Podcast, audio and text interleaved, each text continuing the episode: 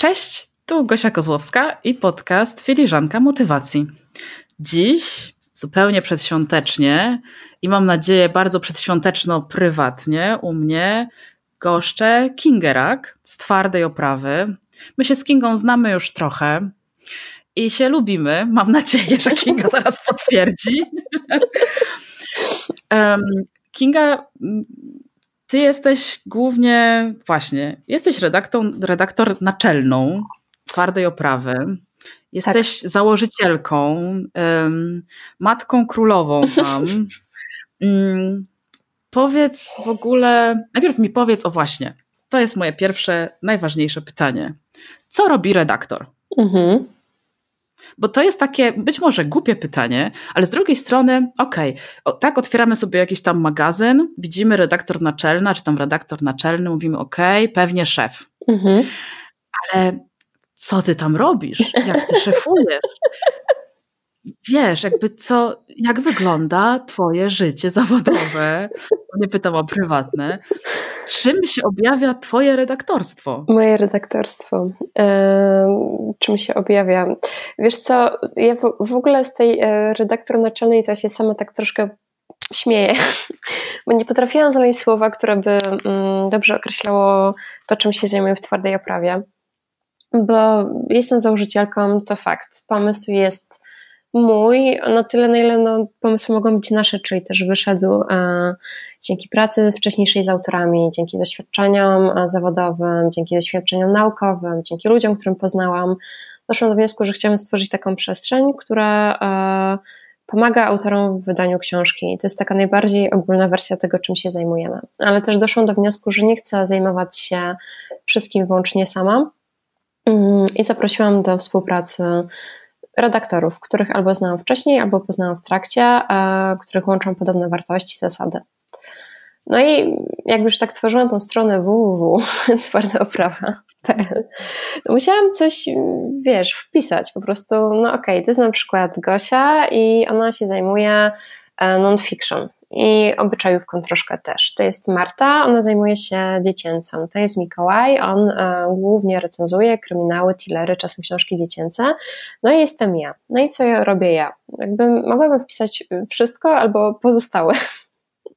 I, to, I, trochę na tym e, bycie e, tą panią redaktor naczelną, co brzmi bardzo tak, mm, e, polega, no, czyli koordynuję pracę innych, czyli to polega na tym, że jak wpada autor i wiem, że no, to jest książka dziecięca, więc kontaktuję się w tym wypadku z Martą, pytam, czy miałby ochotę, jak to widzi, omawiamy warunki, harmonogram, przekazuję jej pracę, ona ją wykonuje, autor wraca potem do mnie, tak? Czyli zajmuję się jakby koordynacją tego procesu redakcyjnego, nie pracując nad tekstem, no, czyli po prostu, żeby jego tekst został zredagowany i żeby w tym procesie wszystko było w porządku, tak? Tak samo z innymi redaktorami. No ale też prowadzę firmę tak po prostu, czyli no, wystawiam faktury, proformy, potem końcowe, rozliczam miesiąc, odpowiadam na maile od autorów e, wszelkiego rodzaju, e, wysyłam newslettery, tworzę posty na Facebooku, prowadzę grupę, tworzę strategię, no po prostu zarządzam całością, więc jestem trochę trochę panią redaktor naczelnym, a bardzo lubię to słowo i wybrałam je wyłącznie z tego powodu, że mm, ono jest trochę takie oldschoolowe, właśnie kojarzy mi się z mhm. z jednej strony redaktorem naczelnym w wydawnictwie, z drugiej strony redaktorem naczelnym właśnie w magazynie, a ja chciałam, żeby twardoprawa była taka nowoczesno, oldschoolowa trochę, tak? Więc, więc jakby mogłam się nazwać, nie wiem, tam liderem, czy CEO, czy użyć innego słowa, a, no ale to właściwie pomyślałam, że sięgnę po coś z, z, takiego zakresu, który mnie bardziej interesuje. No, czyli tak naprawdę sprawiam, żeby twarda oprawa żyła, działała, oddychała, miała się dobrze, rozwijała. To główna praca. Kinga, a jak wygląda bycie redaktorem? W sensie praca nad redakcją książki, mhm. praca z autorem książki. Jak to, jak to u Was wygląda w ogóle? W ogóle redaktor to jest kolejne pojemne słowo, bo mm, jeszcze wracając do tego naczelnego, to w prasie robi się coś innego, w magazynie się robi coś innego, w radio podejrzewam, że też się robi coś całkowicie innego. Tak samo z redaktorem. To jest taki trochę słowo wytrych. E, dla mnie redaktor to jest osoba, która po prostu pracuję nad tekstem albo pracuję z autorem, bo jestem autorem, e, jestem autorem, jestem redaktorem e, tak samo w momencie, kiedy jestem w trakcie konsultacji, czyli takiej pracy jeden do jeden i zastanawiamy się wspólnie z autorem, jak rozwiązać jego konkretny problem wydawniczy, to wtedy jestem redaktorem, czyli jestem osobą, która posiada wiedzę mm, teoretyczną, ale przede wszystkim też praktyczną na temat rynku książki, zna różne rozwiązania, różne ścieżki i szukamy właśnie odpowiedniej drogi dla, dla tego autora. No też jest, jest praca redaktora. Redaktorem też jest w tym momencie, kiedy przychodzi autor i mówi, że chciałby po prostu taką redakcję tekstu, więc wtedy zasiadam, e, najpierw rozmawiamy nad tym, mm, co rozumiem przez redakcję, bo to jest taka rzecz, którą mam wrażenie, że trzeba sobie ciągle wyjaśniać, bo każdy z nas trochę inaczej rozumie ten proces, więc ja opowiadam, na czym polega redakcja u nas, czyli że pracujemy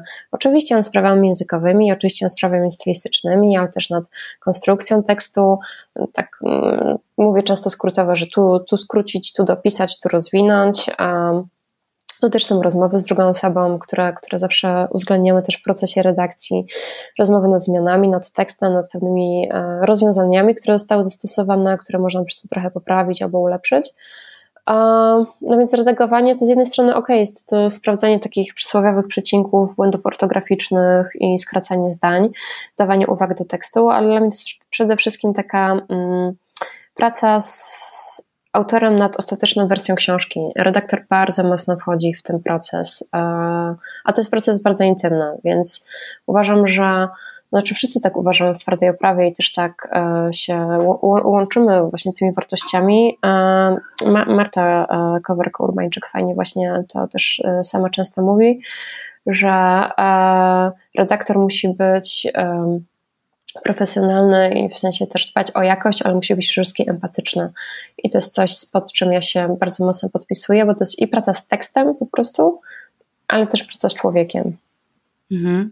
Myślę, że ta praca z człowiekiem właściwie mm, nie, nie, wiem, jak Twoje doświadczenia wyglądają, ale jak czasem mm, czytam, czy na właśnie na Twojej grupie różne posty, tak, mhm. różne skargi na wydawnictwa redaktorów i, i inne ważne postaci z, z, właściwie z życia książki, tak, z życia książki i, i autorów książek, mhm. to mam wrażenie, że no, jakbyśmy się skupili na samym tekście, można tej książki nie skończyć, bo, bo ktoś na przykład będzie, w sensie ktoś, czyli autor, poczuje się, nie wiem, urażony, zbuntuje się. Mhm. Mm, tak, nie wiem, czy, jak w ogóle wykształtujecie, w sensie, właśnie, to jest takie trudne pytanie i nie do końca wiem, jak je zadać, więc je spokojnie zadam. Mhm. Um, jak byś oceniła? Znaczy, ja rozumiem, że podczas pracy z autorem skupiamy się na książce, bo chcemy ją wydać. Zresztą, mhm. tak, wspólnie w jakiś sposób. Um, natomiast jak się rozkłada ciężar tutaj? Um, gdzie, z, z, jakiej perspektywy lepiej popatrzeć na mhm. książkę? Czy z perspektywy tekstu i być może czytelnika, tak?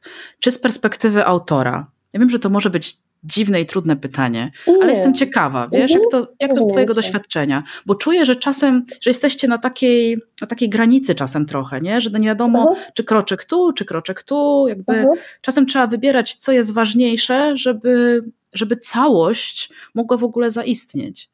Mm, ja obiecałam na początku, jeszcze zanim zaczęłyśmy nagrywanie, że nie będę robić wykładu ale, ale, ale masz moment na to. Mam moment. Ja e, zawsze w takim momencie lubię sobie e, przywoływać taką e, straszną tomiszczę, z którym się musi zapoznać każdy student filologii polskiej, którym byłam kiedyś i ja. Nazywa się Zarystory Literatury.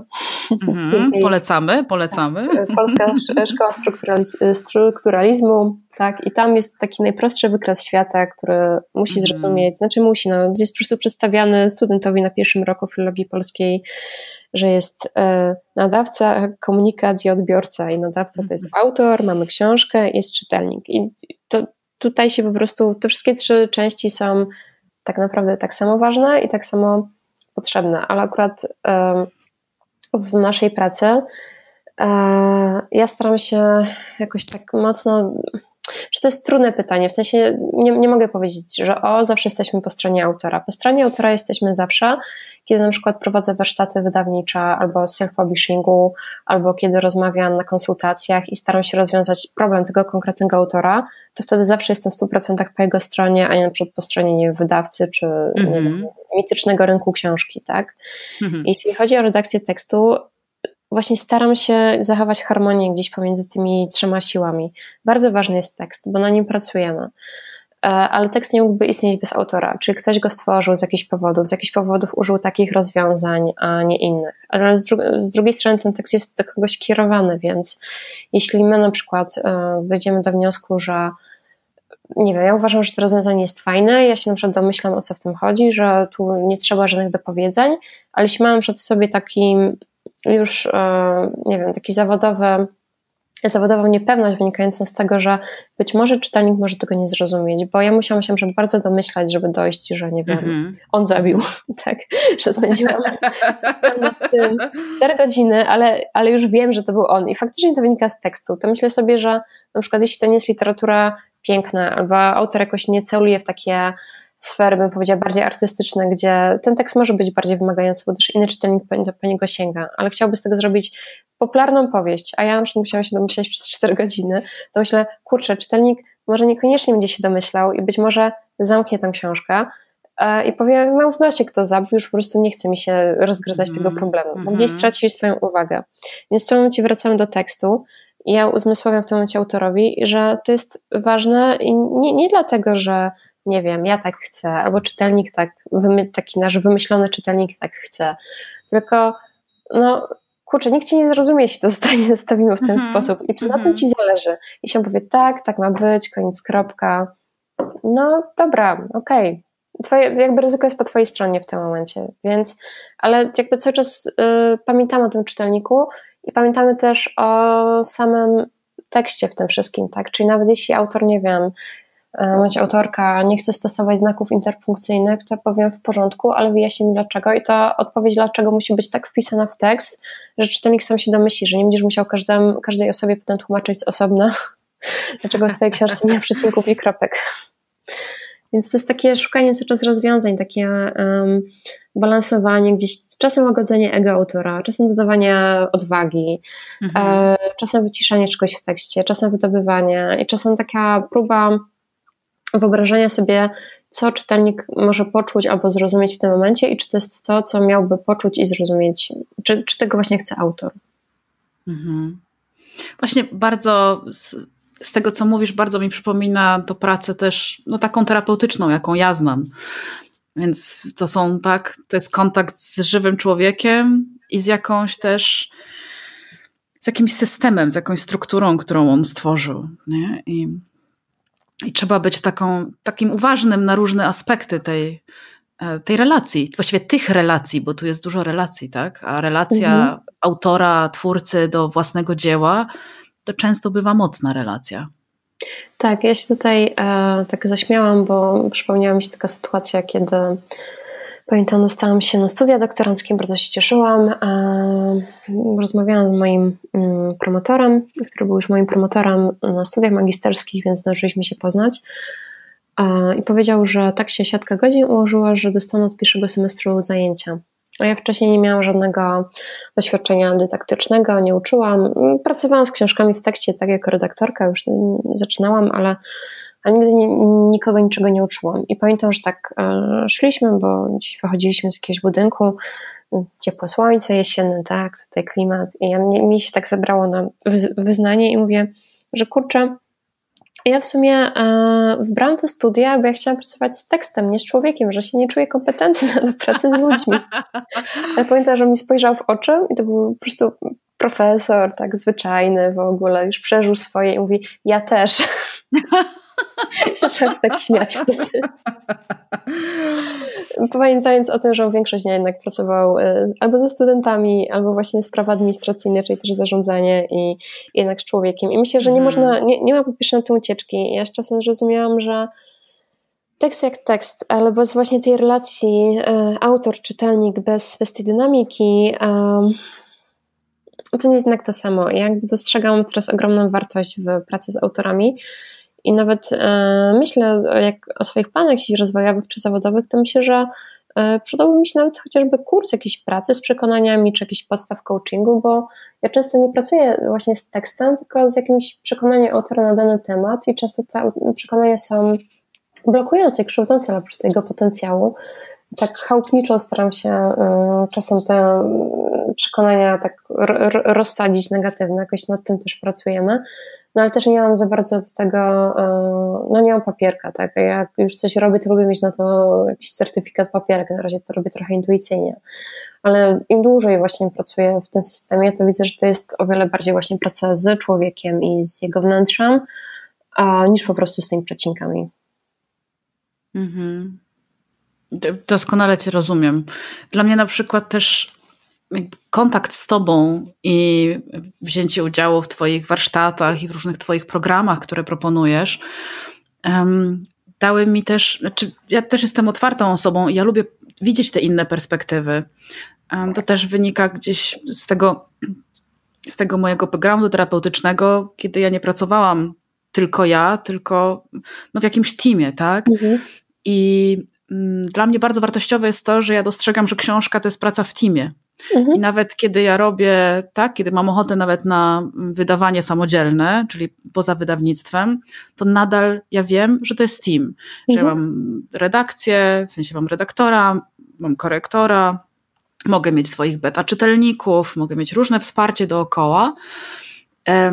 I to też mm, to jest może tylko moje wrażenie, ale być może to jest kwestia też takiej edukacji, powiedziałabym, edukacji około książkowej, edukacji wydawniczej, żeby pokazywać autorom, że to wszystko się liczy. W tym sensie, że nawet jak ja chcę napisać książkę i myślę sobie, że mam fajny pomysł, to na pewno tam jest gdzieś ten mój czytelnik po drugiej stronie, mhm. dla którego ta książka coś ma wnosić, tak? Nawet jeżeli to ma być tylko, znaczy tylko, albo aż fan, ma być mega zabawa, czy przyjemność, czy relaks, to jednak ten czytelnik powinien to odczuć, nie? Nie to, że ja sobie wymyślę coś, że mówię, to teraz to przeczytaj i będzie ci lepiej w jakiś sposób, ale jemu nie jest lepiej, bo tak jak mówisz, czyta, czyta i mówi, no ale kto zabił? Na litość, tak? Halo, ja nie wiem o co chodzi, ta książka się głupio kończy. Nie? Ile, ile miałyśmy w rękach takich książek, gdzie mówiłyśmy, tak. Jezu, jak to się głupio kończy. Nie? Więc jest ten czytelnik, ale do tego mamy tę drogę gdzie po drodze można spotkać ciebie czy kogoś z twojej ekipy.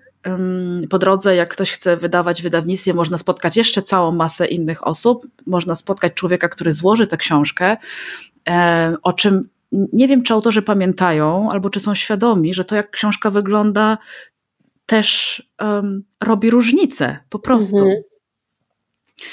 I um, tutaj chciałabym zadać Ci dziwnym skokiem, zrobić dziwny skok i przejść w ten e, mityczno um, pełny wyzwań właśnie świat książki, że tak powiem, tak, rynek książki, nasz polski rynek książki. Kinga, wiesz, ty się znasz na książkach, ja się znam na książkach. Natomiast wyobraźmy sobie przeciętnego człowieka, który okej, okay, książki w domu ma, ale nie przeszedł tej trasy całej, czasem właśnie orki literaturoznawczo-teoretyczno-literackiej, mhm. tak? Tych wszystkich, tych wszystkich pięknych rzeczy, które spotkały nas na, na filologii polskiej.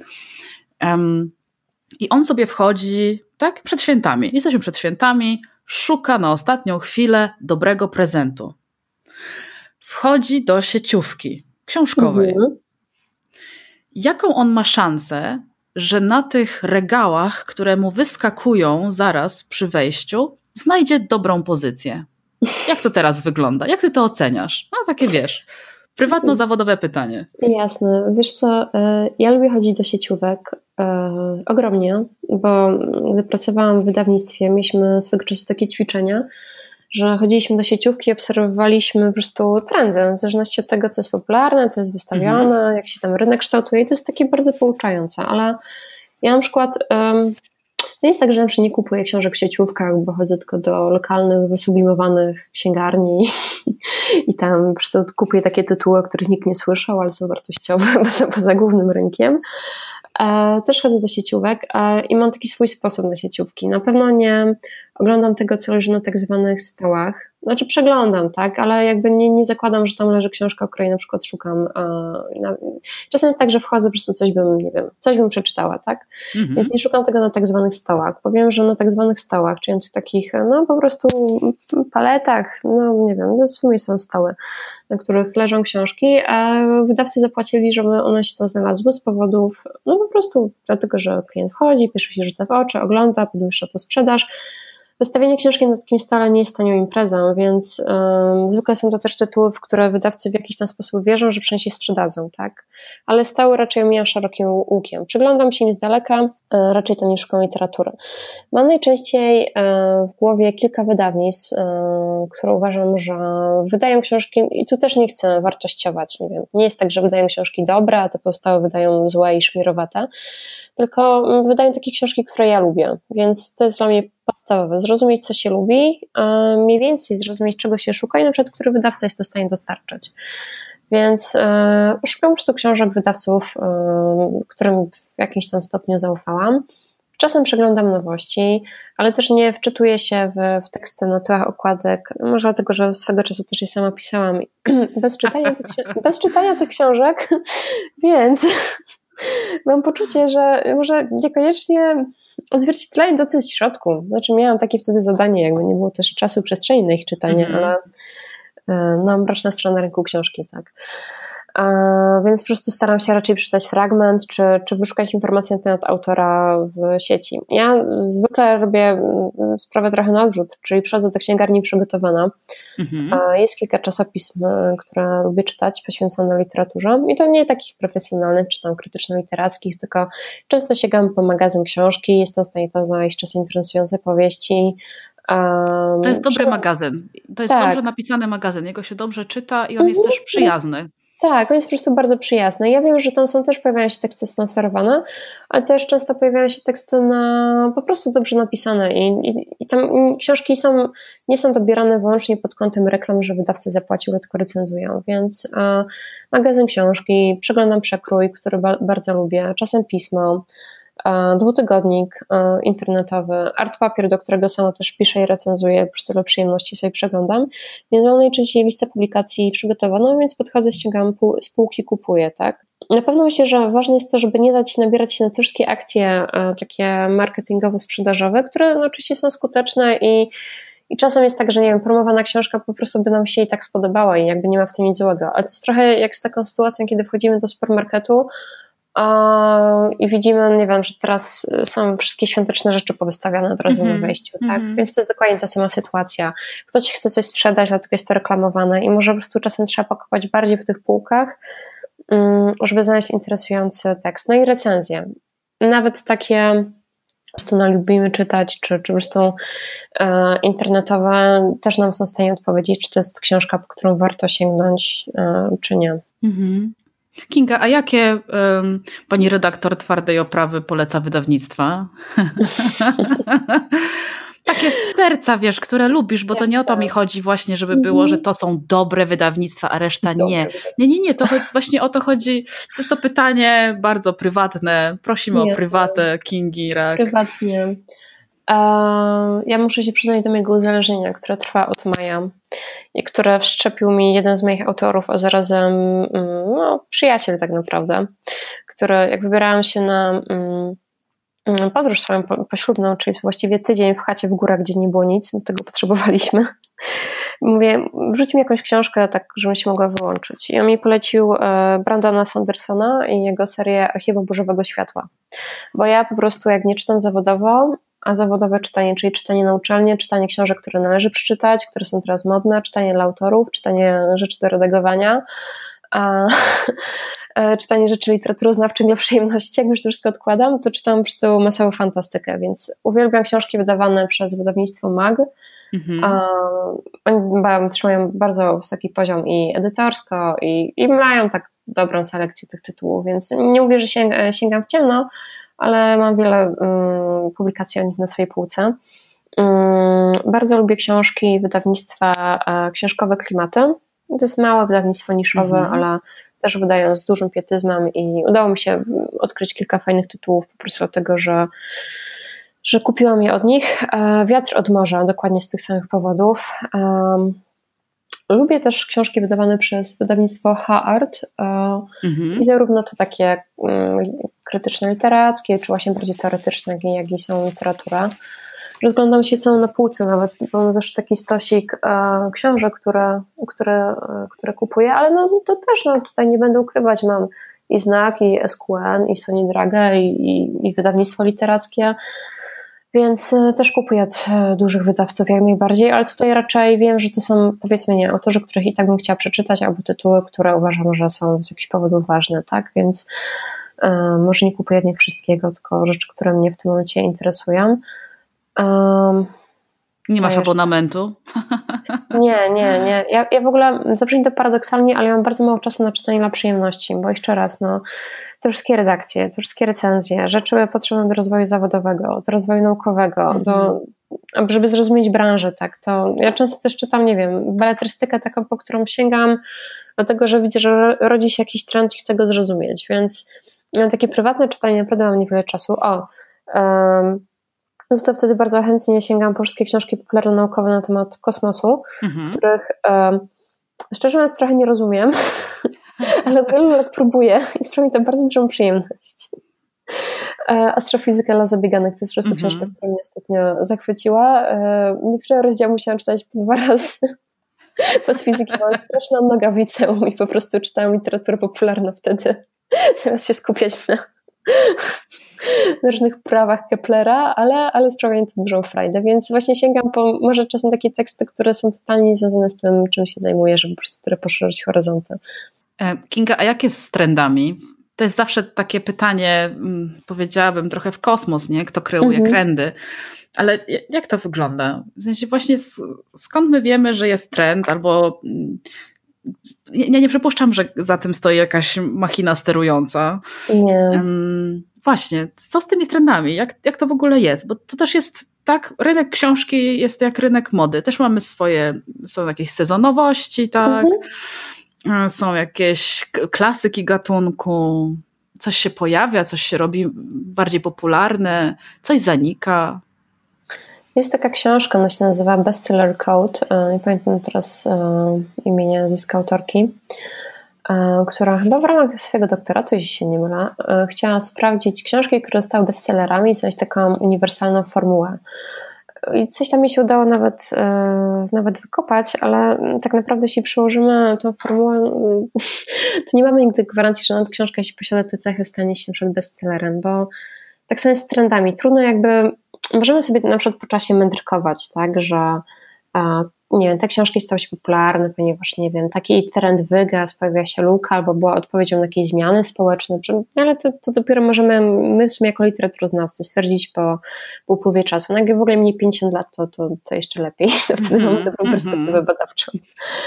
Ale e, trendy są zawsze jakieś. Są książki, które są bardziej popularne. No myślę, że e, wielu z nas pamięta ten wysyp e, na przykład romansów erotycznych, które też już się powoli kończy. Nie, niektórzy powiedzą na szczęście, inni niestety. Jednak takich tekstów jest jednak coraz, coraz mniej. Wciąż się ukazuje, jest ich coraz mniej. Tak samo było z popularnością książek o przyrodzie, czyli wszystkie sekretne życie drzew, e, pszczół, e, duchowe życia zwierząt, łąki, kosmosy, architekci przyrody, masa tego była po prostu. Miałam wrażenie, co wchodziłam do księgarni, że pojawia się kolejny tytuł już przez naprawdę bardzo specjalistyczne tematy, co z jednej strony było bardzo fajne.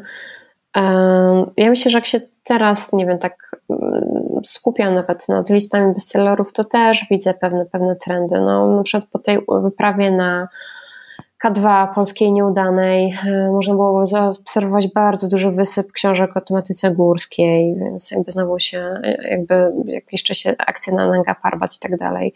E, wiele, wiele wznowień, wiele, wiele książek znowu zaczęło się ukazywać na ten temat, więc to najczęściej się wiąże z jakimiś faktami z życia, albo z kulturalnymi, politycznymi, e, tylko tak naprawdę z trendami no, znowu tr trudno cokolwiek określić i myślę, że tak naprawdę mądrzy wydawcy oni wiedzą o tym, że mogę trendy obserwować i raczej nie te w Polsce, tylko te za, w Stanach za wielką wodą, bo u nas pewne książki też jednak dochodzą z powodu, z powodu tłumaczeń, z pewnym mhm, opóźnieniem. Mhm. Więc obserwuje się to, co się dzieje w, w innych krajach i można przewidzieć, że taki trend w Polsce chwyci bądź nie, ale nie zawsze tak jest. I wróżenie trendów albo wróżenie sukcesu książek jest trochę jak wróżenie z fusłów. No, niektórzy mają do tego większy talent, inni może mniejszy, mniejszy. Czasem się komuś po prostu coś uda, czasem się kompletnie nie uda. I jest to naprawdę bardzo trudne do przewidzenia. Jeszcze w słodkich latach 90., tak przynajmniej wynika z z analiz, bo ja wtedy miałam w najlepszym wypadku kilka lat, więc no nie pamiętam, nie analizowałam wtedy publikacji na rynku, bo nie miałam, nie. nie miałam czytać jeszcze w, tam powiedzmy w 92, więc no, więc, więc nie analizowałam, ale no to wtedy była no tak killer, romans, fantastyka, to było pewne, tak. Mhm, to prawda. Dzisiaj, dzisiaj jest o wiele większe rozproszenie um, i myślę, że te trendy są bardziej ulotne, też mają o wiele krótsze życie a więc dlatego myślę, że nie ma się za bardzo co do nich przywiązywać. Mm, po prostu myślę, że warto szukać lektur dla siebie i to jest jakby kluczowe. I to samo też mówię autorom, że niech nie przejmują się, że na przykład ich książka w tym momencie nie wpisuje się super w trendy wydawnicze. Bo być może za rok, jak e, nie wiem, skończą ją pisać albo będą gotowi do wydania, to może akurat coś się na rynku zmieni. I może akurat będzie idealna. Więc to wszystko jest takie dość mętne tak naprawdę. Mhm. Po prostu wychodzi na to, że warto tworzyć dla samego tworzenia i dla siebie, mhm. oczywiście też z myślą o czytelniku, pamiętam, tak, tak. jeśli chodzi o książkę, a nie patrzeć na to, czy się wpisze, czy się sprzeda. No, włas własną ścieżkę, po prostu. Tak, i to jest rzecz, którą powtarzam, mam właściwie wrażenie, że za każdym razem, każdemu, też często to mówię w trakcie transmisji, nie wiem, piszę maila i tak dalej, ale mam wrażenie, że to jest jedyne rozsądne rozwiązanie, czyli robić, działać w zgodzie ze sobą i zobaczyć, co ostatecznie z tego wyjdzie, bo nawet jeśli ktoś teraz by się uparł, że chce napisać, nie wiem, kryminał, bo wciąż kryminały się dobrze trzymają i na przykład skończy go pisać za 3 lata i się okaże, że wcale już nie kryminał, tylko nie wiem, science fiction znowu wróci do łask, no to co wtedy? To nie dość, że napisał książkę, której nie chciał napisać, to jeszcze wydawcy nie będą zainteresowani. No po prostu najgorzej w tym momencie. To prawda. Więc dlatego najlepiej tworzyć i zgadzić ze sobą, po prostu zobaczyć, co z tego wyjdzie. Kinga, co polecasz na święta do czytania? Co sobie odłożyłaś na ten wolny czas, żeby poczytać? No więc mnie dalej trzyma moja psychozona Brandona Sandersona. Już skończyłam czytać wszystko, co było w sadze, bo ma wiele sak na szczęście, więc on rozumie, czego potrzebuje współczesny czytelnik. Wielu różnych sak, które się ze sobą łączą. Więc skończyłam czytać jedną sagę Archiwum Burzowego Światła. Teraz jestem w trakcie e, drugiej e, z Mgły Zrodzonych, więc myślę, że wykorzystam ten czas na, na lekturę.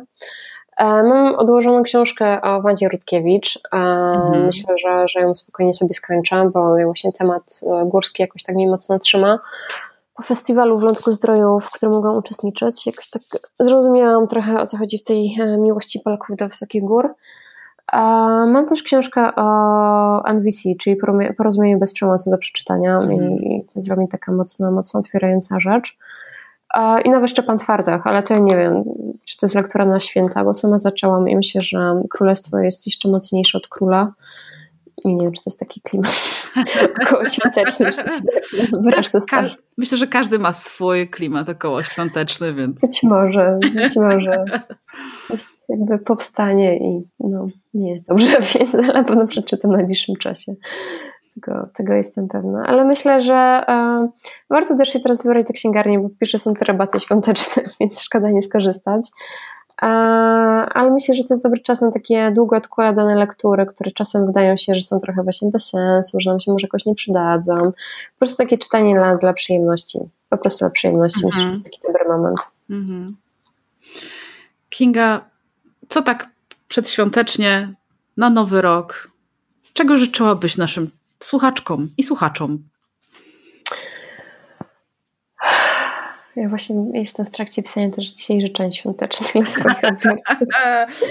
Możesz I, i ja, Więc może, może że, że, że, życzyłabym tego, czego życzyłabym każdemu z nas. E, dużo spokoju, e, czas po prostu na włączenie się, bo myślę, że święta przede wszystkim też, też temu służą, żeby się trochę odciąć takiej codziennej gonitwy pobyć trochę z rodziną, trochę ze sobą. Myślę, że to jest bardzo ważne. E, czasu też na twórczość i oczywiście nie podejrzewam, żeby osoba, która marzyła o napisaniu książki, miała, nie, zdążyłam z, zacząć pisać, zaczęłam pisać i skończyła w trzy dni, tak? to jest raczej niemożliwe, ale takiego twórczego czasu w tym sensie, że te dobre pomysły do nas wpadały, dobre rozwiązania, żeby może był czas, żeby coś przysiąść, napisać, namalować stworzyć w jakiś inny sposób, e, bo myślę, że to jest ważne, że często właśnie na twórczość, na czytanie, na bycie ze sobą, e, często na to brakuje czasu w ciągu takiego regularnego tygodnia, więc, więc tego nam wszystkim życzę. Bardzo dziękuję. I Kinga, wielkie dzięki za tę rozmowę. Bardzo Ci dziękuję, że znalazłaś czas tutaj dla mnie i dla filiżanki. Um, I ja Ci życzę w nowym roku po prostu dobrych tekstów. Nie ma złych tekstów, zawsze można coś poprawić. O, widzicie. Jedno z przekazań redaktora. Super i tego się trzymajmy. Na nowy rok pamiętajcie, nie ma złych tekstów. Zawsze można coś poprawić. Super Kinga, bardzo mi się to podoba. Biorę, biorę to z sobą. Korzystaj. Będę. Dzięki wielkie. Cześć. Dziękuję Ci bardzo.